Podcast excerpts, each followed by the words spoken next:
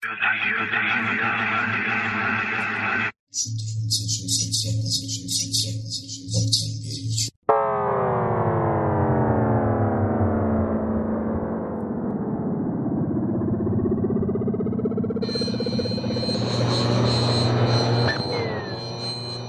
Serdecznie Was zapraszam do podcastowej audycji 3600 sekund, bo chcę wiedzieć. Jest to audycja z różnych dziedzin, m.in. takich jak starożytna archeologia, psychologia, medycyna, oficjalna, jak i alternatywna. Jest to audycja mająca na celu uświadomić Tobie, drogi słuchaczu, że jest więcej niż mniej Przedstawia mniej zagadnienia z psychologii, otoczenia człowieka, obserwacji otoczenia, biologii oraz mikrobiologii, jak i z każdej dziedziny w sposób migawkowy. To do Ciebie, drogi słuchaczu, należy, abyś przysiadł na ławeczce lub usiadł bujającym się fotelu z kubkiem ciepłej i pysznej kawy i zadając pytania próbował sobie na nie odpowiedzieć na sobie własny sposób. I do tego bardzo serdecznie Cię zapraszam w tej audycji audycji 3600 sekund, bo chcę wiedzieć. Serdecznie Was pozdrawiam i zapraszam do audycji.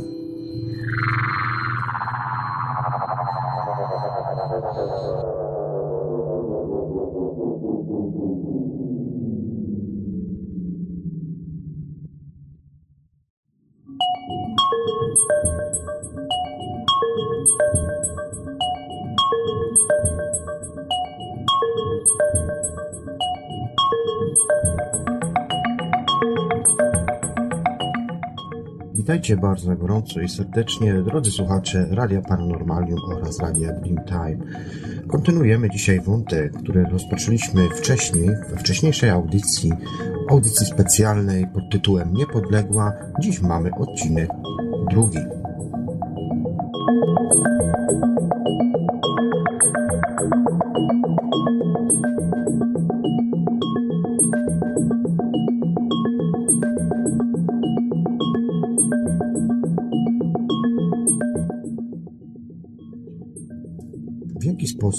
Polskie wojska weszły do Kijowa w maju 1920 roku.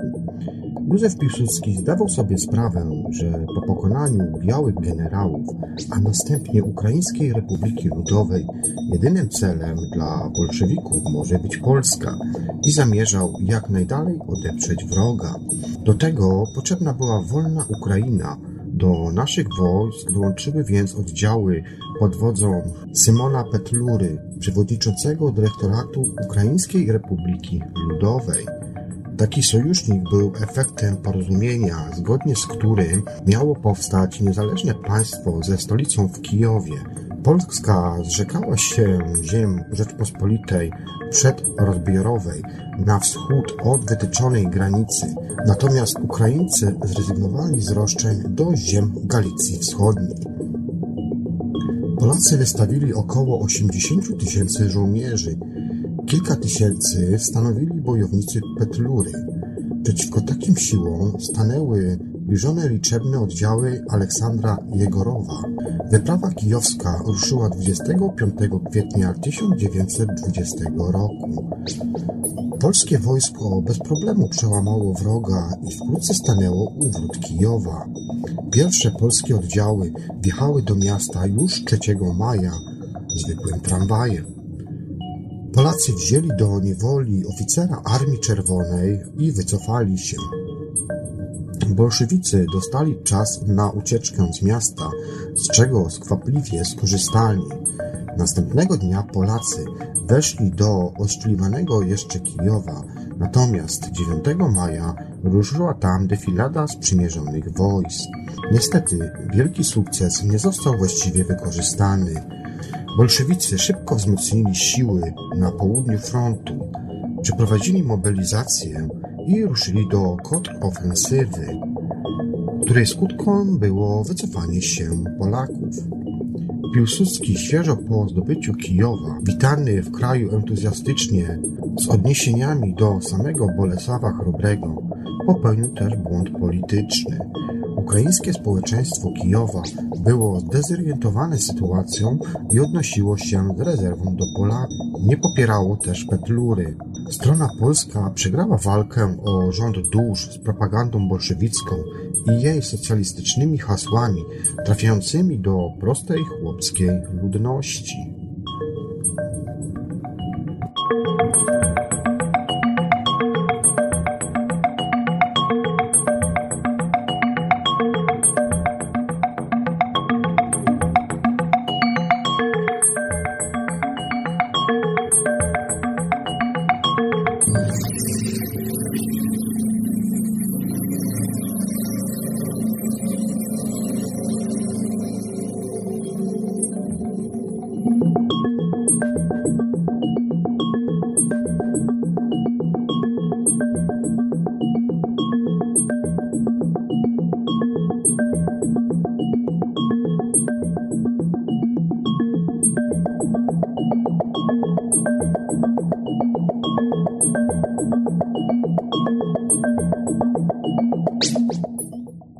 Gdzie Polacy ostatecznie rozbili bolszewików. Wygrana bitwa warszawska nie oznaczała jeszcze końca wojny. Bolszewicy liczyli, że i tak zwyciężą, bo Polska w obronie Warszawy włożyła swoje wszystkie siły.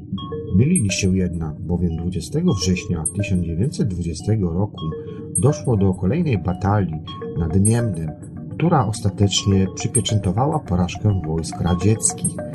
Rozbite oddziały Armii Czerwonej uciekły, a około 40 tysięcy żołnierzy trafiło do niewoli. Zwycięstwo nad Niemnem wzmocniło pozycję Polaków w rozmowach pokojowych.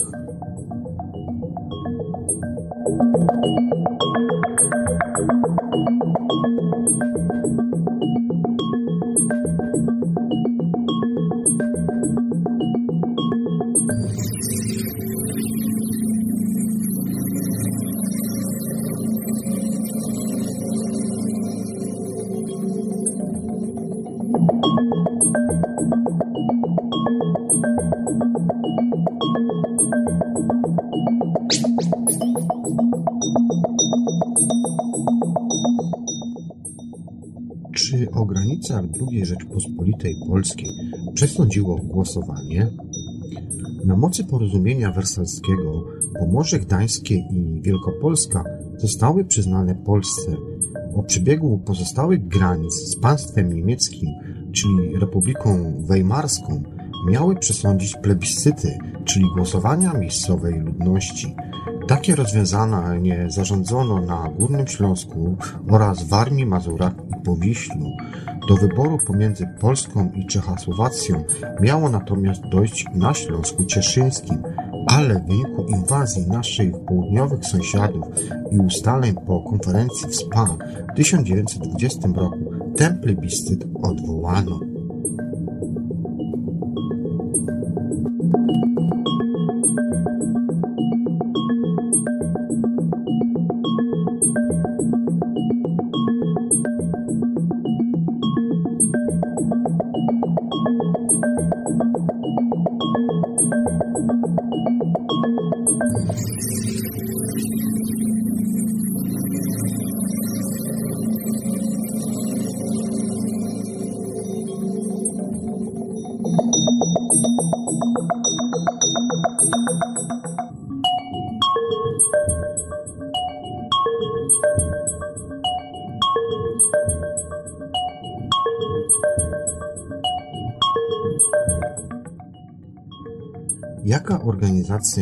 Międzynarodowa narodziła się wraz z II Rzeczpospolitą? Była nią Liga Narodów, która powstała w myśl postanowień traktatu wersalskiego po I wojnie światowej. Ta międzynarodowa organizacja pokojowa zrzeszała w szczytowym momencie 58 państw. Co ciekawe, choć powstała ona z inicjatywy prezydenta Stanów Zjednoczonych Woodrowa Wilsona, to Stany Zjednoczone nie weszły w jej skład, gdyż nie zatwierdził tego Senat. Po II wojnie światowej na bazie Ligi Narodów zbudowano Organizację Narodów Zjednoczonych.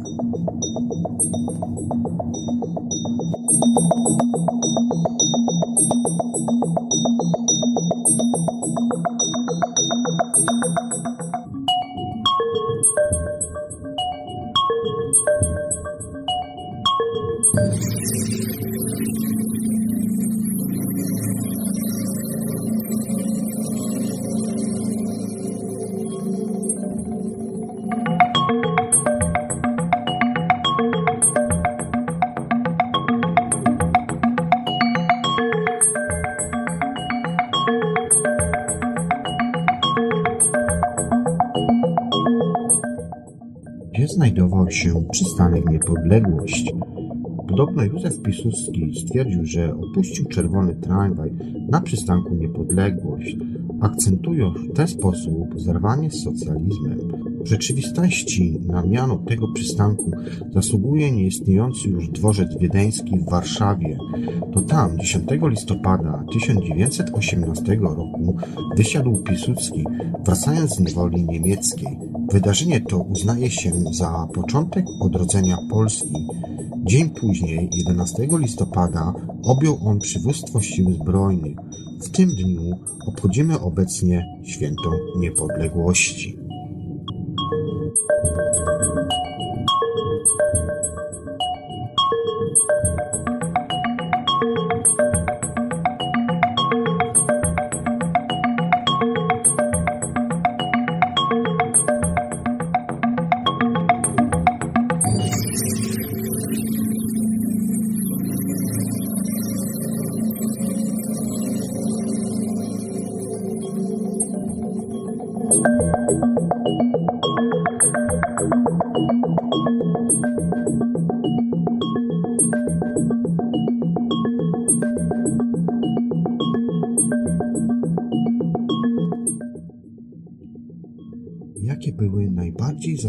Zaskakujące epizody powstania wielkopolskiego? Dlaczego w maju 1919 roku nie doszło do czwartego rozbioru Polski? Ilu przechodniów potrzeba, by aresztować sztab ogromnej armii? Skąd w szeregu powstańców wzięli się żołnierze z Afryki czy też z Azji? I jak pęto kiełbasy wystarczyło do zdobycia samolotu myśliwskiego? Posłuchajcie, kochani. Wizyta w wagonie restauracyjnym może przynieść dalekosiężne skutki. To właśnie w takim pojeździe, choć wówczas pełnił już funkcję salonki marszałka Franciszka Ferdynanda Focha, 11 listopada 1918 roku podpisano rozejm kończący I wojnę światową. Jak zwykle wielka historia wpłynęła na życie milionów zwykłych ludzi. Przypadku naszych rodaków z Wielkopolski kapitulacja Niemiec oznaczała realną szansę na spełnienie największego marzenia. Dlaczego Paderewski wsiadł do pociągu pod specjalnym nadzorem? Podczas pobytu za oceanem Ignacy Jan Paderewski nie wahał się korzystać ze swej sławy w dobrej oczywiście sprawie. Każdym koncertem jeden z najwybitniejszych pianistów świata zwracał się z apelem do amerykańskiej publiczności, by Stany Zjednoczone oparły ideę niepodległości Rzeczpospolitej. Prawdopodobnie to dzięki staraniom kompozytora prezydent Woodrow Wilson umieścił suwerenność Polski pośród 14 punktów planu pokojowego, który w styczniu 1918 roku przedstawił przed Kongresem. Wieści o efektach działań Paderewskiego w Stanach Zjednoczonych oczywiście dotarły także nad Wisłę, a także nad Wartę.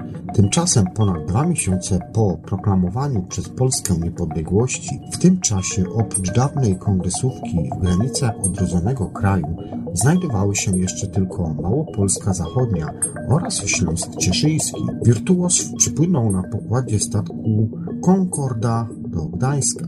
Miał udać się prosto do Warszawy, aby pogodzić ścierające się u wadze frakcje, ale za namową Wojciecha Korfantego, reprezentującego Naczelną Radę Ludową, postanowił najpierw odwiedzić Poznań.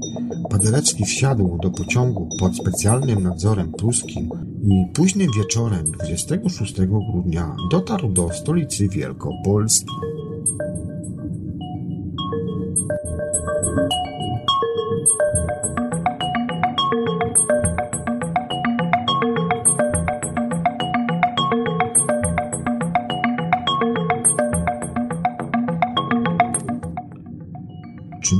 Rozpętać powstanie przypadkiem? Na dworcu przywitały go tłumy rodaków. Doniosłość chwili z pewnością postępowały zapalone przychodnie, które Polacy trzymali w dłoniach. Ogień płonął, ponieważ niemieckie władze miasta nakazały wyłącznie latarnie i w taki oryginalny sposób chciały utrudnić ewentualne zorganizowanie narodowej manifestacji. Niedługo później z okna hotelu Bazar Paderewski Zwrócił się z odezwą do poznaniaków, lecz wytrawny polityk tej nocy dał się ponieść emocjom. Zamierzał on tonować powstańcze nastroje, a jeszcze bardziej rozniecił w słuchaczach chęć zbrojnej walki. Następnego dnia pianista odwołał oficjalne spotkania, rzekomo z powodu choroby.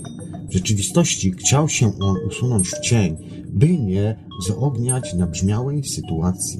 Było już jednak na to za późno. Niemcy wyszli na ulicę, by zademonstrować, kto rządzi w Poznaniu. Epilogiem ataków na lokale polskich organizacji było oszczelanie przez manifestantów hotelu Bazar, również tej jego części, w której przebywał Padarewski. Próba zamachu na wirtuoza stała się symbolicznym początkiem niepodległościowego zrywu w Wielkopolsce. Czy nie doszłoby do niego, gdyby kompozytor wsiadł do pociągu jadącego do Warszawy? W żadnym razie. Pierwotnie zakładano, że powstanie wybuchnie na początku 1919 roku. To, co zdarzyło się w Poznaniu w ostatnich dniach grudnia 1918 roku, można nazwać dziełem przypadku, tłumaczy historyk profesor Zbigniew Pilarczyk. Jednak inni mieszkańcy tego regionu byli jeszcze bardziej niecierpliwi. To stworzył Republikę Ostrawską. Do wystąpienia naszych rodaków przeciw władzy pruskiej doszło bowiem 10 listopada 1918 roku w Ostrowie. Wkrótce ogłoszono włączenie tego terenu, a 13 listopada odbyło się zaprzysiężenie żołnierzy pierwszego pułku piechoty. Jednak obawie przed zbrojną interwencją Niemców dwa tygodnie później oddział rozwiązano. Samozwańcze państwo zniknęło z map Europy, zanim w ogóle miało szansę się na niej pojawić. Relacje z tych wydarzeń trafiały do berlickiej pracy za sprawą polskich dziennikarzy, którzy pracowali dla tamtejszych redakcji. Niemieckie środowiska nacjonalistyczne skwapliwie podchwyciły tę retorykę, bijąc na alarm i kolportując szerokie wieści o poczynaniach Polaków w prowincji poznańskiej. Tak powstała legenda Republiki Ostrowskiej, będącej dziś skądinąd sympatycznym i nie do końca pozbawionym prawdy elementem patriotycznej tradycji miasta.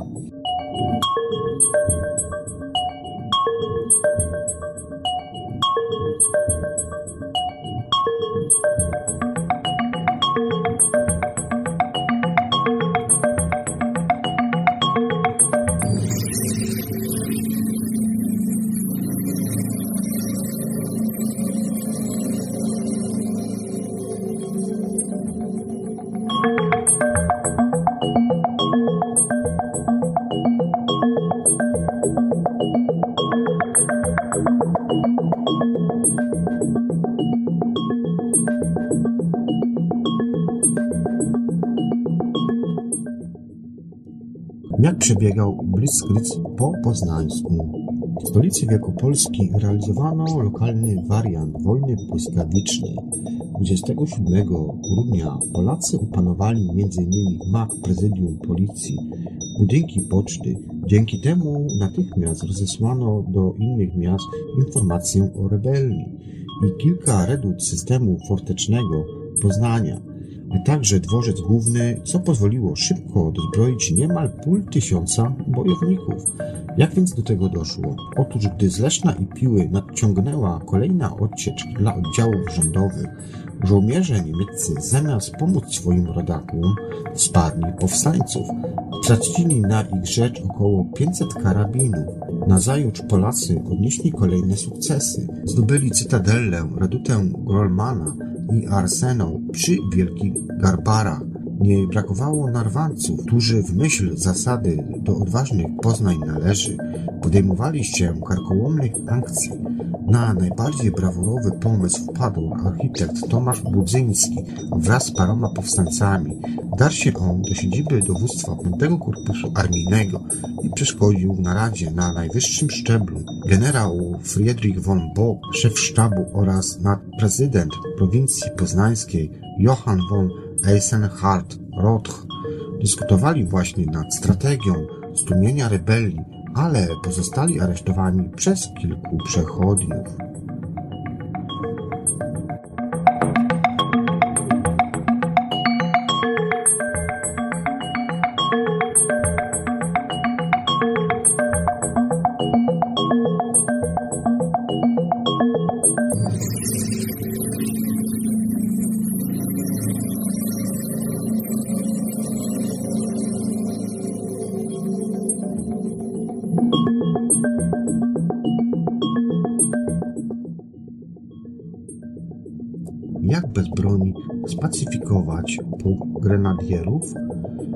28 grudnia 1918 roku. Stanisław Taczak, były oficer armii niemieckiej, jechał właśnie z Berlina do Warszawy, gdy nagle podjął spontaniczną decyzję.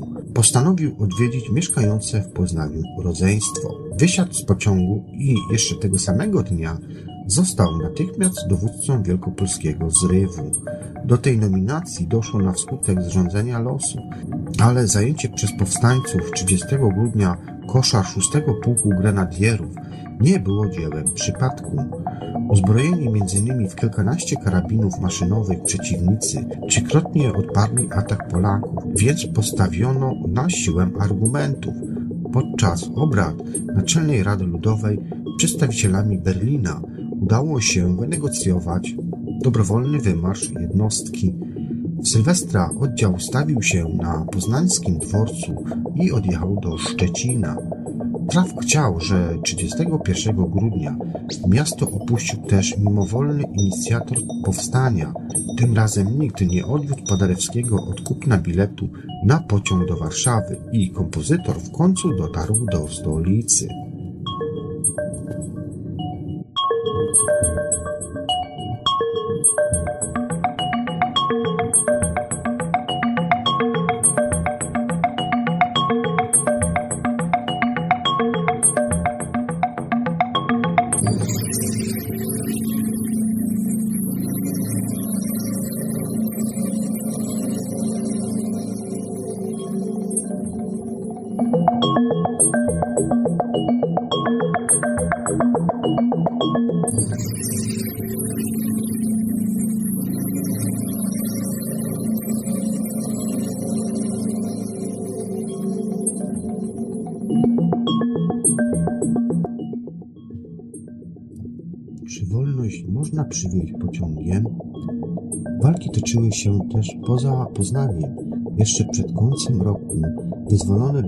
m.in. Grodzisk, Kłecko, Kurnik, Gielichowo i Witkowo.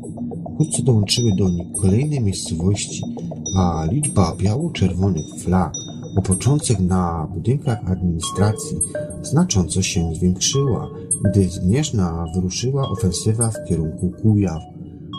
Polskich władz w końcu doczekali się także mieszkańcy Ostrowa. Polskich władz w końcu doczekali się też mieszkańcy Ostrowa, do czego przydatnie przyczynił się PP-11.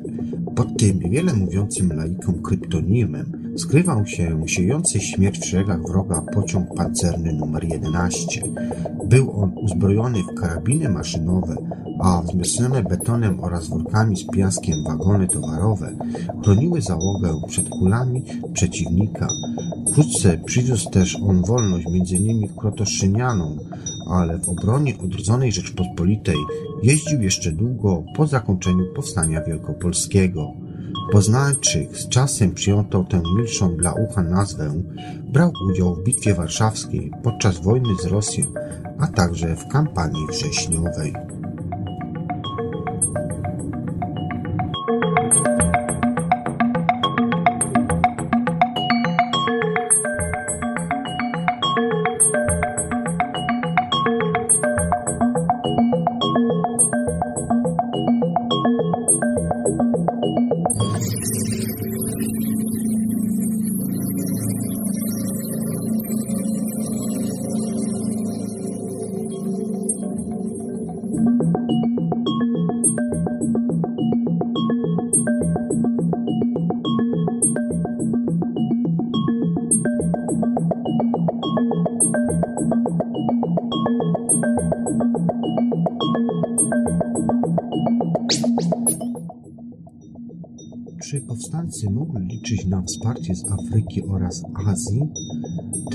Przypadku nie ma wątpliwości. Niezwykle kolejne losy sprawiły, że w walkach o wyzwolenie powiatu jarocińskiego i pleszewskiego brał udział urodzony w Mandżurii Chen Defu w 1905 roku podczas wojny rosyjsko-japońskiej do jego rodzinnej miejscowości przybyły wojska carskie, w szeregach których służył Kazimierz Korotkiewicz. Polski oficer postanowił zaopiekować się osieroconym chłopcem To dzięki niemu po zakończeniu konfliktu Chen trafił on do Warszawy. Ostatecznie osiadł w Wielkopolsce, przeszedł na katolicyzm już jako Zdzisław Józef Czendefu chwycił za broń, by walczyć za nową ojczyznę. Niejasny jest natomiast udział w niepodległościowym zrywie sama Sandy. Nie do końca wiadomo, kiedy Kamerunczyk znalazł się na ziemiach Polski, ale według jednej z teorii zdążył on dołączyć do powstania pod koniec walk. Potem służył w pododdziale lotnictwa rozpoznawczego, który na początku 1919 roku powstał w Poznaniu, w stacji lotniczej w Ławicy. Było wtedy 21 pilotów, którzy mieli do dyspozycji maszyny zdobyte podczas wyzwalania stolicy Wielkopolski.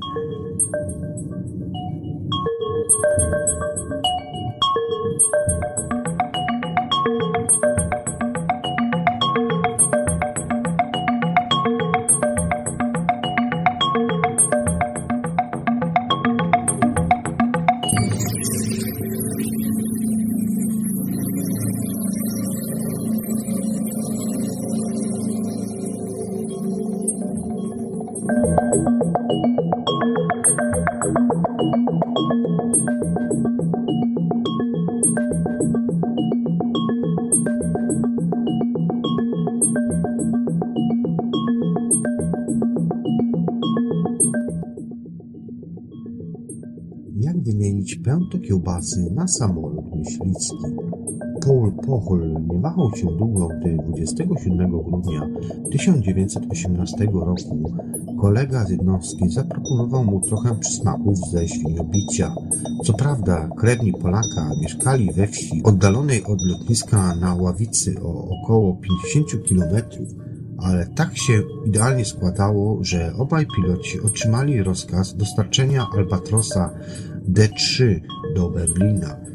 Wystarczyło więc zrobić tylko krótkie międzylodowanie, by chociaż na jakiś czas zapomnieć o nędznych wojskowych racjach żywnościowych. Niestety Niemiec srodze się zawiódł na gościnności Franciszka Jacha. Posadził myśliwiec na łące w pobliżu jego rodzimej chałupy, ale zamiast zapachu wiejskiej kiełbasu poczuł gorzki smak rozczarowania. Maszynę momentalnie otoczyli miejscowi chłopi, odebrali mu broń i skonfiskowali samolot. Ostatecznie otrzymał jednak obiecaną wędlinę razem z biletem na pociąg do stolicy Niemiec. Zdobyty w brawurowy sposób Albatros zasilił armię powstańczą.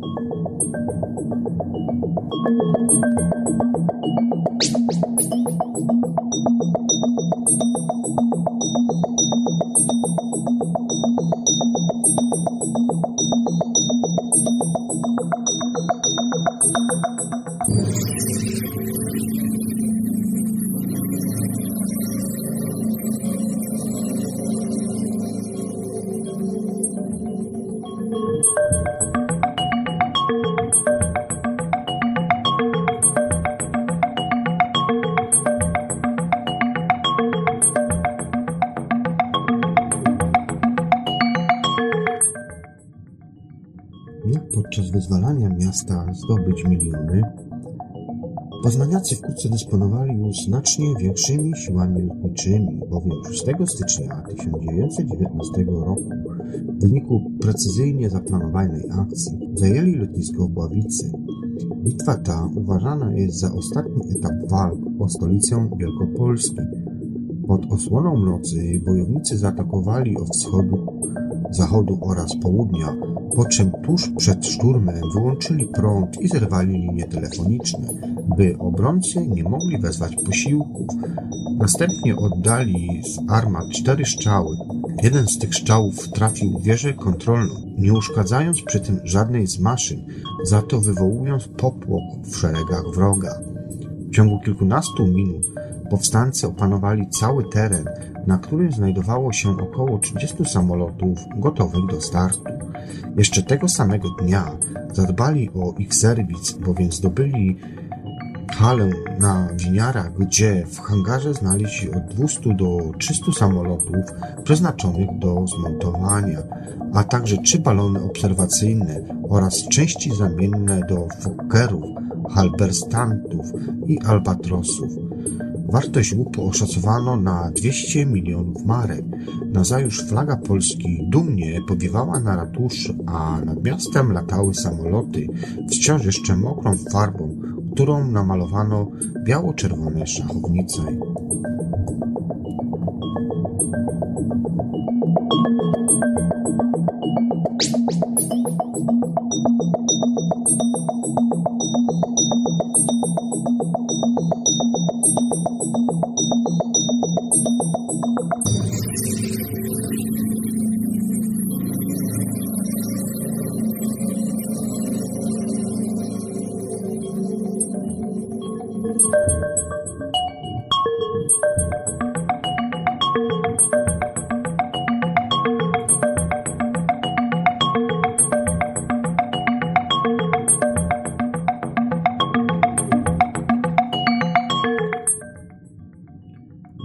Poznaniacy zbombardowali Frankfurt? Niestety na niebie pojawiły się też maszyny z czarnymi krzyżami. Eskadra pilotów, którzy wystartowali z Frankfurtu nad Ondrą, zaskoczyła Polaków pilnujących ławicy. W czasie nalotu zrzucono 18 bomb, zginęła jedna osoba, a dwie inne zostały ranne. Następnego dnia doszło do kolejnego ataku. Tym razem obrońcom udało się trafić w jedną z maszyn wroga.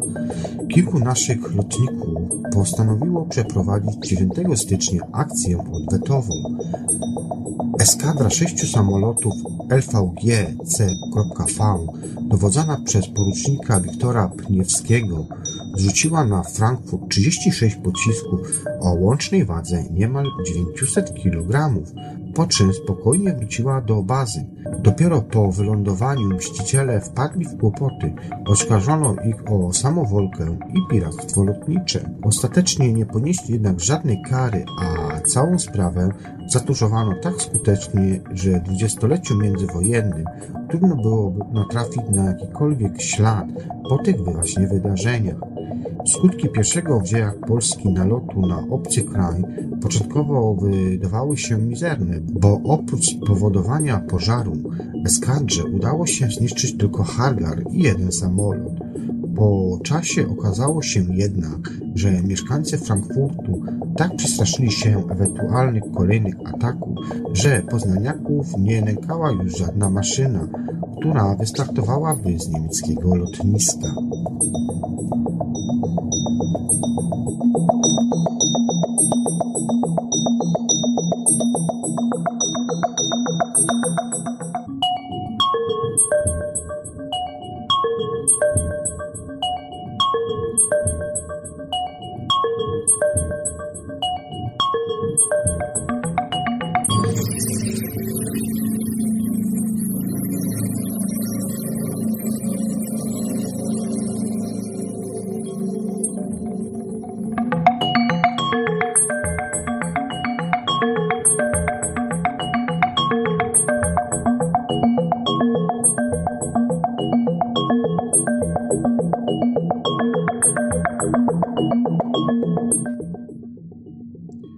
Czasu minęło od otwarcia okien do defilady? Dalsze walki w Wielkopolsce Polacy toczyli ze zmiennym szczęściem.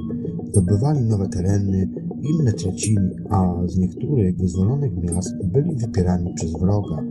Chaos charakterystyczny dla oddziałów powstańczych miała opanować regularna armia majora Taczaka. Majora Taczaka zastąpił więc bardziej doświadczony generał Józef Dobór-Muśnicki. 16 stycznia przejął dowództwo i od razu zarządził pierwszy pobór do wojska. Dziesięć dni później po centrum Poznania rozniosły się słowa uroczystej przysięgi polskich żołnierzy. Cytuję: W obliczu Boga Wszechmogącego, w Trójcy Świętej Jedynego, ślubuję, że Polsce, ojczyźnie mojej sprawie całego narodu polskiego zawsze i wszędzie służyć będę, że kraju oczystego i dobra narodowego do ostatniej kropli krwi bronić będę. Koniec cytatu. Kilka tygodni wcześniej poznaniacy zapalali w mieszkaniach wszystkie lampy oraz otwierali okna, by oświetlić Paderewskiemu drogę z dworca. bowiem teraz ulicami maszerowała uroczysta defilada. 16 lutego w rewirze przedłużono układ o zawieszeniu działań wojennych, który dawał nadzieję na ustanie walk o Wielkopolskę, ale zdaniem Niemców nie zapisano od kiedy konkretnie ten rozejm obowiązuje. Aż do końca 1919 roku trwały więc prowokacje i starcia ze strony niemieckiej. Ginęli ludzie, około 120 żołnierzy poległo już po rozejmie.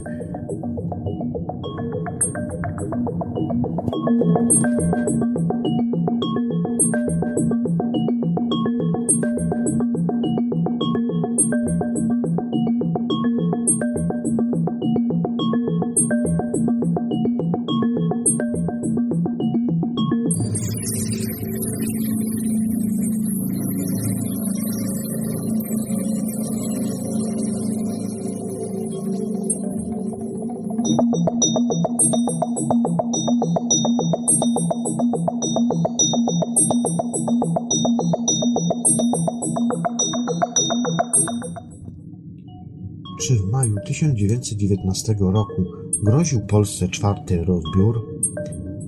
Mimo wszystko konflikt o tę część granicy z Niemcami wydawał się mniej groźny niż sytuacja na wschodzie. Żołnierze Armii Wielkopolskiej postanowiono przerzucić do walki z Ukraińcami. Pierwsza grupa, licząca ponad 200 osób, wyruszyła do Lwowa 9 marca.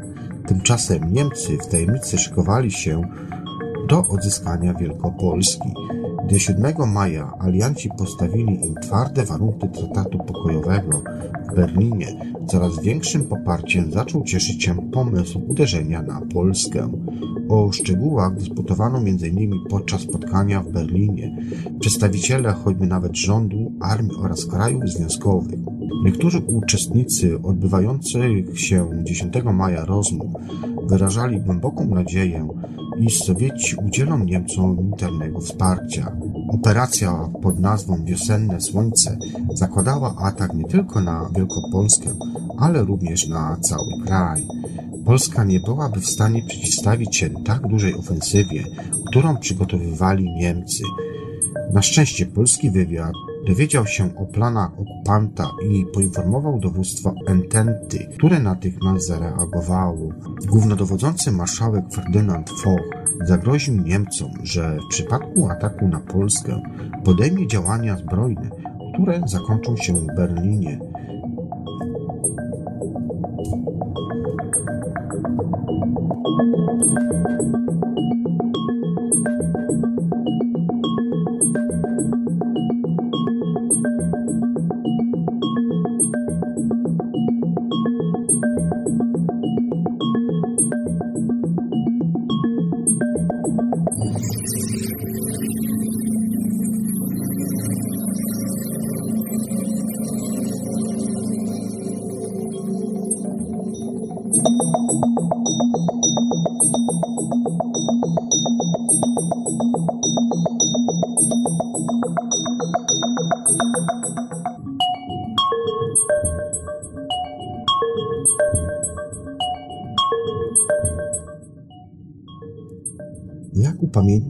Powstanie wielkopolskie? Od 15 września do końca roku trwa kampania Wolność liczy się w każdym wieku, promująca obchody setnej rocznicy wybuchu Powstania Wielkopolskiego.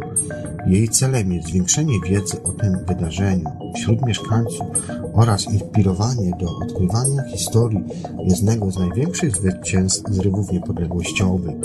W kampanię zaangażowali się jej ambasadorowie, tacy jak aktorzy Katarzyna Herman, Jan Wieczorkowski, Olga Kalicka oraz Mateusz Damięcki, czy też vlogerzy, którzy w najbliższych miesiącach mają szerzyć wiedzę o powstaniu Wielkopolski.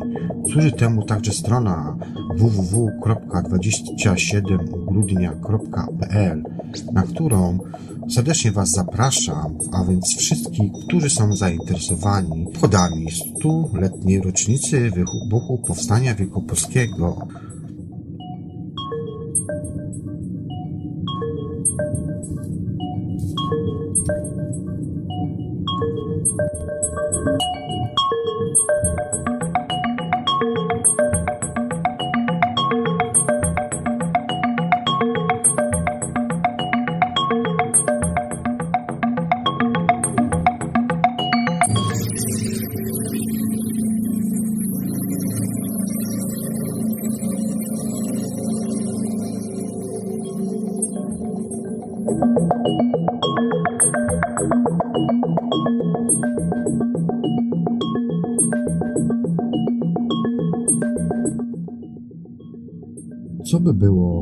Piłsudski uderzył na Moskwę? Jest 28 września 1928 roku. Polscy panowie prom w głąb radzieckiej Rosji. Na Kremlu wybucha panika. Po bitwie pod Warszawą Polacy zadają Armii Czerwonej kolejny, tym razem nokautujący cios w natarciu nad Niemnem. Bolszewickie oddziały są w zupełnej rozsypce. Maruderzy i rozbite jednostki w popłoku uciekają przed nacierającymi wojskami Rzeczpospolitej. Klęska nad oznacza dla Lenina, Trockiego oraz reszty bolszewików prawdziwą katastrofę. Z zachodu napierają zdeterminowani niesieni zwycięstwem Polacy, a od południa zbliża się Armia Białych, byłych carskich generałów, pod wodzą Piotra Wrangla. Komuniści znaleźli się w śmiertelnym poczasku. Armia Czerwona na zachodzie to obraz nędzy i rozpaczy. Nie powstrzyma zatem ona Polaków. W Moskwie zastanawiano się, co właściwie trzeba teraz zrobić. Włodzimierz Lenin pisze rozpaczliwy list do marszałka Piłsudskiego z propozycją natychmiastowych rozmów pokojowych. Ten jednak odrzuca ofertę. Nie ma mowy o wstrzymaniu marszu na wschód, wręcz przeciwnie, wydaje rozkaz ataku. Tempo ofensywy jest już gocące, bowiem na początku października 1920 roku Polacy docierają do bramy smoleńskiej, czyli obszaru pomiędzy Górną Dwiną a Górnym Dnieprem. To tu przebiega granica Rzeczpospolitej obojga narodów w 1772 roku. Osiągnięcie przez polskich ułanów historycznych granic kraju wywołuje narodową euforię. W kościołach odbywają się msze dziewczynne. Tysiące ludzi wiwatuje na ulicach. A to jeszcze nie koniec. Piłsudski wydaje wtedy rozkaz marszu na Moskwę, niczym hetman Żółkiewicz w 1610 roku. Na południu siły Rzeczpospolitej w sojuszu z oddziałami ukraińskimi atamana Petlury zdobywają Kijów i przekraczają Dniepr. Tu łączą się w kontrrewolucyjną armię białych generałów Piotra Wrangla. Kierunek jest jeden – Moskwa. Tymczasem Lenin w płomiennej przemowie wzywa wszystkich towarzyszy do obrony totalnej przed polskimi imperialistami i wewnętrznymi wrogami rewolucji. Bezwładnego tłumu formułowane są oddziały bojówkowe. Do armii wciela się robotników, chłopów, uczniów oraz studentów. Mobilizacja napotyka jednak na poważne problemy. Jednostki z głębi kraju, ogarniętego wojną domową, nie są w stanie dotrzeć na czas do zagrożonej stolicy. Dodatkowo z powodu biedy, terroru oraz głodu wybuchają strajk, a w wojsku szerzy się dezercja. Gigantyczny kocioł, jakim po rewolucji październikowej stała się Rosja, jest zbyt niewydolny, by się bronić. Kampanią moskiewską kieruje sam marszałek Piłsudski. Rozpoczyna się wtedy decydująca bitwa. Dzięki śmiałemu, nocnemu manewrowi oddziały ułanów wpadają między wojska bolszewickie oraz roznoszą je na szablach. Wkrótce potem Polacy i sojusznicy wdzierają się do miast, w którym dzieją się dantejskie sceny. Komuniści palą dokumenty, a w ich szeregach pośpiesznie wydawane są wyroki śmierci. Część dygnitarzy bolszewickich próbuje uciekać. Ginie zarąbany sztablą przez polskiego ułana Włodzimicz i Lenin. Lew Trocki padł wtedy ofiarą samorządu, wykonanego rękami mieszkańców Moskwy. Zostaje on wtedy powieszony na ulicznej latarni. Podobny los spotyka innych komunistów. Mikołaja Bucharina, Georgina Cicerina, czy wreszcie archanioła terroru, czyli Polaka Feliksa Dzierżyńskiego. Ten na mocy wyroku polskiego sądu wojskowego zostaje rozstrzelany na oczach gapiów. Tak kończy się kilkuletnia historia rewolucji bolszewickiej. Tymczasem na Kremlu, niczym w 1610 roku, znów łopocze polski sztandar. Polacy nie zamierzają jednak okupowywać rosyjskiej stolicy zbyt długo. Pozostają tylko tyle, ile jest to konieczne, by Demokratyczna Republika Rosyjska z przychylnym Polsce premierem stanęła na nogi. Osłabiona Rosja pilnie potrzebuje spokoju. Generał Wrangler decyduje się podpisać z marszałkiem Piłsudskim traktat o przebiegu granic i współpracy. Polska odzyskuje prawie wszystkie ziemie sprzed zaborów. Znów jest ona potężnym krajem, wielonarodowościową Rzeczpospolitą. W skład tego ogromnego organizmu wchodzą także Ukraina, Białoruś, Litwa oraz kraje bałtyckie. Federacja Środkowoeuropejska pod przewodnictwem Polski staje się lokalnym mocarstwem. W rzeczywistości opisany tutaj powyżej scenariusz zakończył się na polskim zwycięstwie w bitwie nad Niemnem we wrześniu 1920 roku. Po tym spektakularnym sukcesie Józef Piłsudski podjął decyzję o wstrzymaniu ofensywy, pomimo że Armia Czerwona była znokautowana. Ruszyły rozmowy pokojowe, które dały komunistom czas na rozprawienie się z białymi. Czy Polacy w latach 1919-1920 mogli zgnieść bolszewików i zbudować państwo nie tylko tak wielkie jak Rzeczpospolita przed rozbiorami, ale i również silne? Wielu historyków zachowuje w tej kwestii ostrożność. Nie ma za to wątpliwości pan Piotr Zychowicz, dziennikarz oraz historyk. W swojej książce bowiem Pakt Piłsudski-Lenin, czyli jak Polacy uratowali bolszewizm i zmarnowali szansę na budowę imperium, właśnie taką opinię przedstawia. Według niego w trakcie wojny polsko-sowieckiej Józef Piłsudski, gdyby zdecydował się na współpracę militarną z białymi generałami, dusiłby potęgę komunistów w zarodku i odzyskałby wtedy tereny dawnej Rzeczpospolitej. Pierwsza taka okazja nadarzyła się jesienią 1919 roku, druga rok później. W obu na rozkach Piłsudskiego wstrzymali ofensywę. Już w 1918 roku, gdy po przegranej wojnie światowej z frontu na wschodzie wycofali się Niemcy, tereny te stopniowo zajmowała Armia Czerwona. Komuniści dążyli do rozbudzenia rewolucji także w innych krajach. Było jasne, że wojna polsko-bolszewicka musi wybuchnąć. Niektórzy historycy przyjmują za jej oficjalny początek sowiecki atak na Wilno 4 stycznia 1919 roku.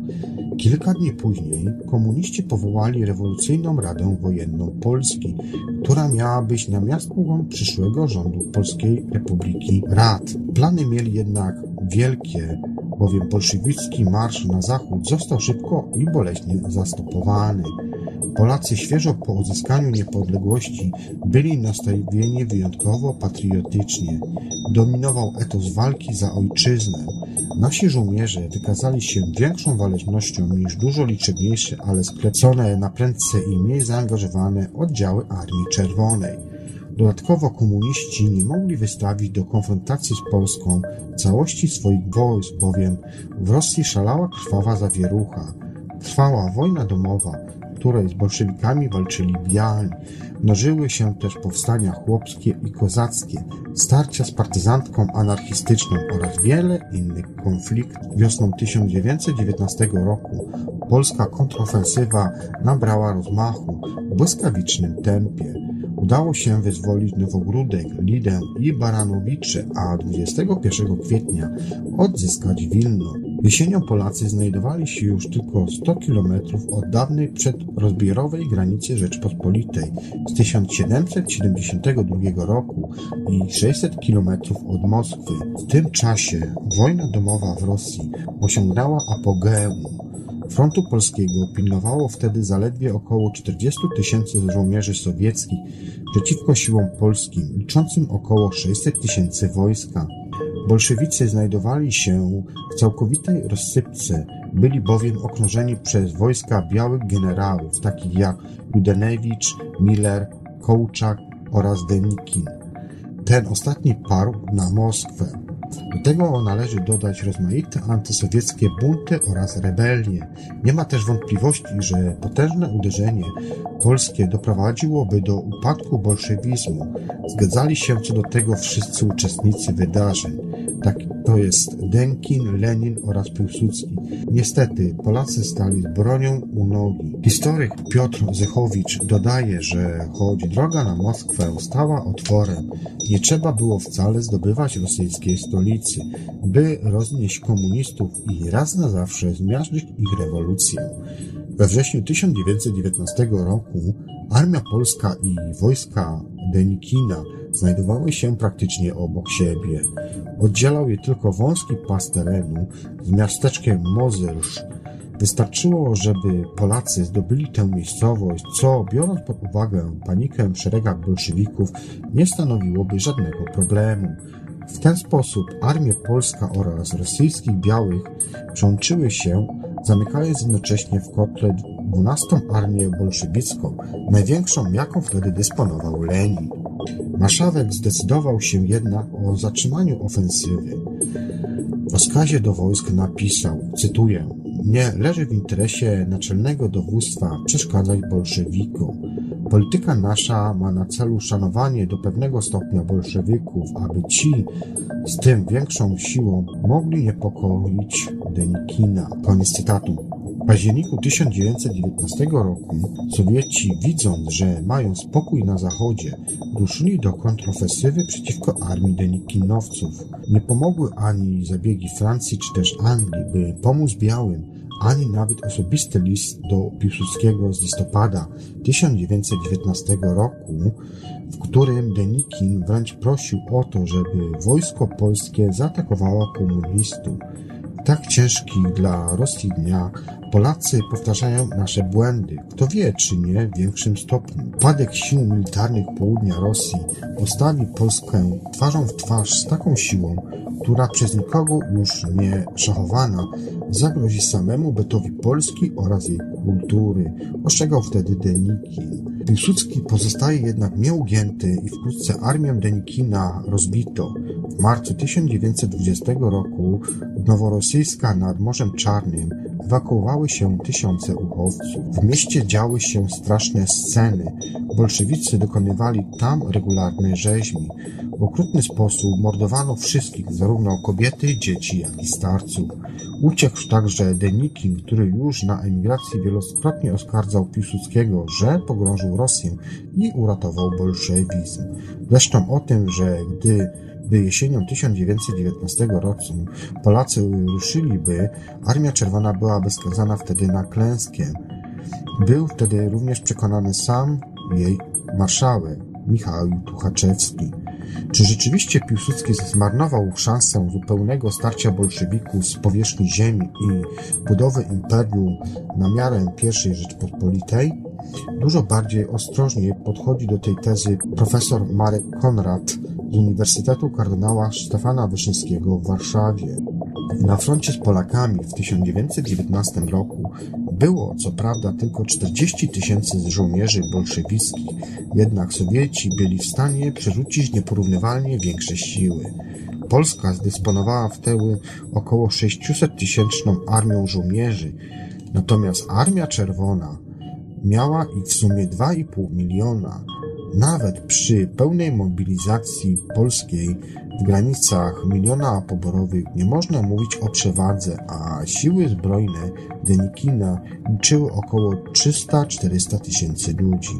To był stosunek sił na niekorzyść jednego do dwóch, którego moim zdaniem nie udałoby się łatwo zniwelować, nawet wykorzystując podejście Denikina pod Moskwą jesienią 1919 roku. Oczywiście nie sposób twierdzić z całą pewnością, jak potoczyłoby się wydarzenia, ale mówienie, że sukces był pewny, jest nieuprawnione. Tak komentuje naukowiec. W 1920 roku sytuacja się powtórzyła. Bolszewicy ruszyli z ofensywą na Polskę i znów ponieśli dotkliwą klęskę. Po wspaniałym zwycięstwie Polaków w Bitwie Warszawskiej i kolejnym nokaucie zadanym komunistom nad Niemnem, Armia Czerwona była praktycznie rozbita. Oddziały uciekały w popłochu, żołnierze porzucali sprzęt i broń przy drogach. To właśnie wtedy upowszechniła się w wojsku polskim przyśpiewka z refrenem Lance do boju, szable w dłoń, bolszewika goń, goń, goń. Po raz drugi narzarzyła się okazja, by rewolucję sowiecką zupełnie zgnieść. Wojna domowa w Rosji nadal się tliła. Po ucieczce Denikina dowództwo nad szczątkowymi oddziałami białych przejął generał Piotr Wrangler, który zorganizował obronę na Krymie. Półwysep przekształcił się nieomal w twierdzę antykomunistyczną. Armia dzięki pomocy oraz sprzętowi Zachodu zdołała się odbudować, a zwycięstwa Polaków dawały Wranglowi nadzieję, że przy wsparciu Rzeczpospolitej uda się zwyciężyć bolszewików. W trakcie walk na froncie polskim ruszył z ofensywą. Pod koniec lipca 1920 roku zdobył strategicznie donieckie Zagłębie Węglowe, a następnie Zaporoże oraz Mariupol, na południu stanęła przed nimi otwarta droga na Moskwę, podobnie jak przed liczącą już prawie milion żołnierzy armią polską na północnym zachodzie. I tym razem Piłsudski nie wszedł w sojusz po zwycięstwie nad Niemnem. Polacy wstrzymali wtedy natarcie i rozpoczęli rozmowy pokojowe z bolszewikami a ci szybko rozprawili się z białą kontrrewolucją. Dlaczego Piłsudski nie potawił w kampanii 1919-1920 na współpracę z białymi generałami, a jego decyzje te de facto wspierały Lenina oraz Trockiego, wywodził z założenia, że Rosja Czerwona będzie dla Polski mniej groźna niż Rosja Biała. Była to katastrofalna pomyłka, tak komentuje Zychowicz. Uważa, że wybór Piłsudskiego był częściowo podyktowany uprzedzeniem, bowiem całe życie walczył on z carską Rosją, którą uosabiali biali generałowie. Nie doceniał też zjawiska rewolucji i długofalowego zagrożenia bolszewickiego, mimo że już wtedy komuniści dawali przykłady wstrząsającego okrucieństwa. Wielu dowódców otoczenia marszałka popierało głośno jego ówczesną decyzję. Gorzkim wyrokiem historii jest fakt, że część z nich, innymi generał Stanisław Haller, zginęła 20 lat później z rąk NKWD w zbrodni katyńskiej. Czy więc marszałek się pomylił, czy też postąpił jak wytrawny polityk, pozwalając osłabić się swemu przeciwnikowi w niszczącej bratobójczej wojnie? Zdaniem profesora Konrata na przeszkodzie w porozumieniu z białymi stała polityka oraz spór terytorialny. Nie udało się ustalić granicy polsko-rosyjskiej, bo biali nie godzili się na ustępstwa. Gdy nie uznawał praw Polski do ziem leżących za wschodnią granicą Królestwa Kongresowego, czyli mniej więcej zbieżną z obecną wschodnią granicą Polski. A to oznaczało konflikt dyplomatyczny i brak uznanych granic, co komplikowałoby położenie międzynarodowe Polski. Kraje Zachodu, takie jak na przykład Francja, były sojusznikami białych. Zachód byłby w takiej sytuacji po stronie Rosji i znaczenie Polski w regionie by zmalało. Piłsudski, który dążył do odbudowy Rzeczpospolitej jako kraju federacyjnego kilku narodów, ostatecznie zaniechał ambitnych planów. Jesienią 1920 roku społeczeństwo było wyczerpane wojną. Dominowała chęć jak najszybszego zawarcia pokoju oraz przekonanie o konieczności utworzenia zwartego państwa narodowego, a nie federacji. Popularne były wówczas idee Romana Dmowskiego, w rozmowach z bolszewikami strona polska przyjęła wariant minimum, a więc przyłączenia tylko niektórych terenów na wschodzie, gdzie była silna mniejszość polska, przykład Wileńszczyzny. Co by się jednak stało, gdyby Piłsudski wszedł w sojusz z białymi generałami, dzięki temu zmiażdżył bolszewików? Taki scenariusz pociągnąłby za sobą niewyobrażalne wręcz skutki, nie tylko dla Rzeczpospolitej oraz Rosji, ale i całego świata. Nie narodziłby się wtedy najbardziej zbrodniczy system totalitarny w historii ludzkości, z powodu którego nasz kraj tak wiele wycierpiał. Nie byłoby operacji polskiej NKWD w latach 1937-38, Panktu, Ribbentrop-Mołotów, Katynia, narzucenia Polsce komunizmu, po wojnie oraz wielu innych tragicznych wydarzeń, które tak bardzo zaciążyły na naszej historii. Podobnie zresztą jak na dziejach sąsiednich państw, czystek Związku Socjalistycznych Republik Radzieckich, wielkiego głodu na Ukrainie, łagrów na Syberii, nie byłoby stalinizmu, bloku komunistycznego, zimnej wojny z Europą Zachodnią oraz Stanami Zjednoczonymi oraz wyścigu zbrojeń. Być może w ogóle nie doszłoby do wybuchu II wojny światowej, bowiem Hitler wybił się nimi na hałasach antykomunistycznych.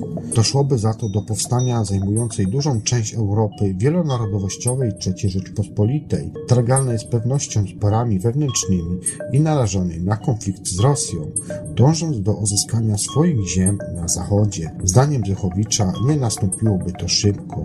Cytuję, Rewolucja wywołała w Rosji podobny skutek co trzęsienie ziemi. Niszczyłaby infrastrukturę oraz przemysł, przetrzebiłaby elity. Opanowanie tego wszystkiego i wyprowadzenie kraju na prostą zajęłoby wiele lat. Przez ten czas o żadnej wojnie z Polską nie mogłoby być mowy. Jakie byłyby dalsze losy naszego kraju? To już jest już wróżenie z fusów. Może sąsiedztwo polsko-rosyjskie ułożyłoby się pokojowo, a może w latach 40., 50. lub też 60. doszłoby do wojny? Zastanawia się historyk. Koniec cytatu.